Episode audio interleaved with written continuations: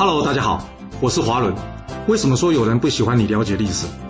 因为历史可以让你了解顶层阶级的思考方式，成为他们的竞争者，也可以让你看到许多前人成功以及失败的案例，让你的竞争对手睡不好觉。而最重要的是，历史可以让你了解人性。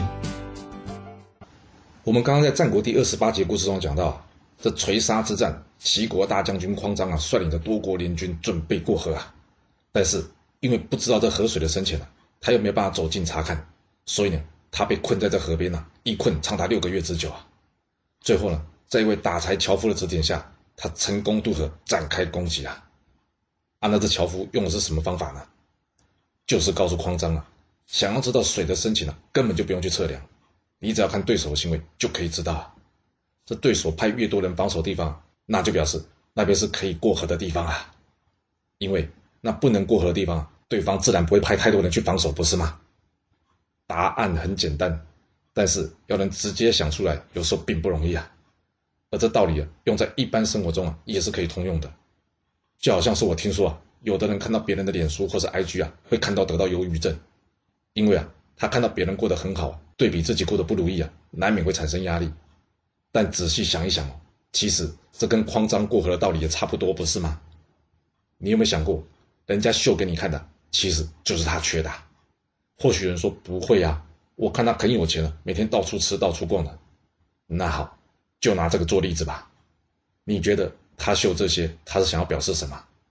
他过得很开心，过得很好，那有没有可能，其实是他并不开心，也过得并不如你想象的好，但是他怕被别人发现，所以他才这样做的。千万不要被这些表面的事物去影响自己的心情。我不否认，的确有许多人分享自己的生活是出于开心，但的确有一部分呢是有别的原因的。对于朋友分享开心的事，我们可以给予祝福啊，但是没有必要把比较压力的负面情绪留给自己啊。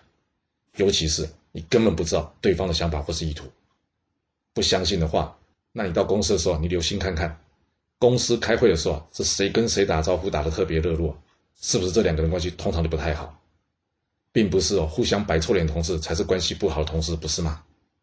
又或是就像我记得之前有一个政客，他一直在荧幕前说他爱老婆，结果最后啊被媒体拍到，其实他爱的是别人的老婆啊。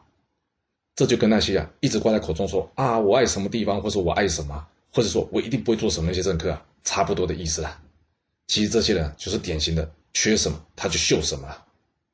或许有人会说，我这是酸葡萄心理啊，那酸就酸呗。人活得开不开心啊，自己最清楚。要是你觉得人家生活光鲜亮丽啊，你也想要过这样的生活啊，那就去努力。只不过呢，无法成功的时候，也不用因此丧气。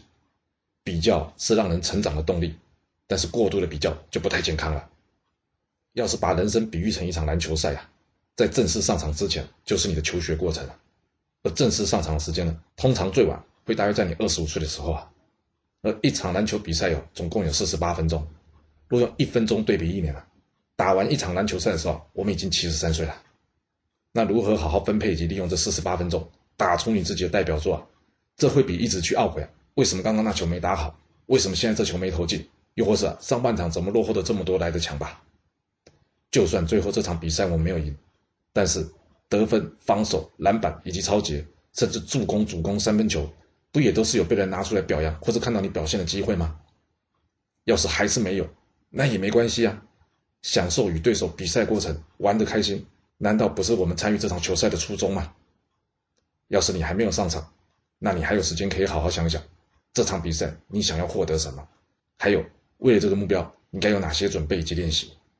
若是你已经在场上了，那就全力表现到哨音响起那一刻，并且享受整个过程。您说是吧？若是您有其他想法，也欢迎留言分享你的看法给大家哦。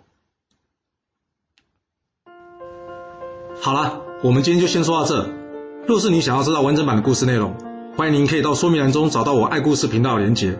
要是你喜欢这频道，还要麻烦您动动你的手指，点赞、订阅、追踪。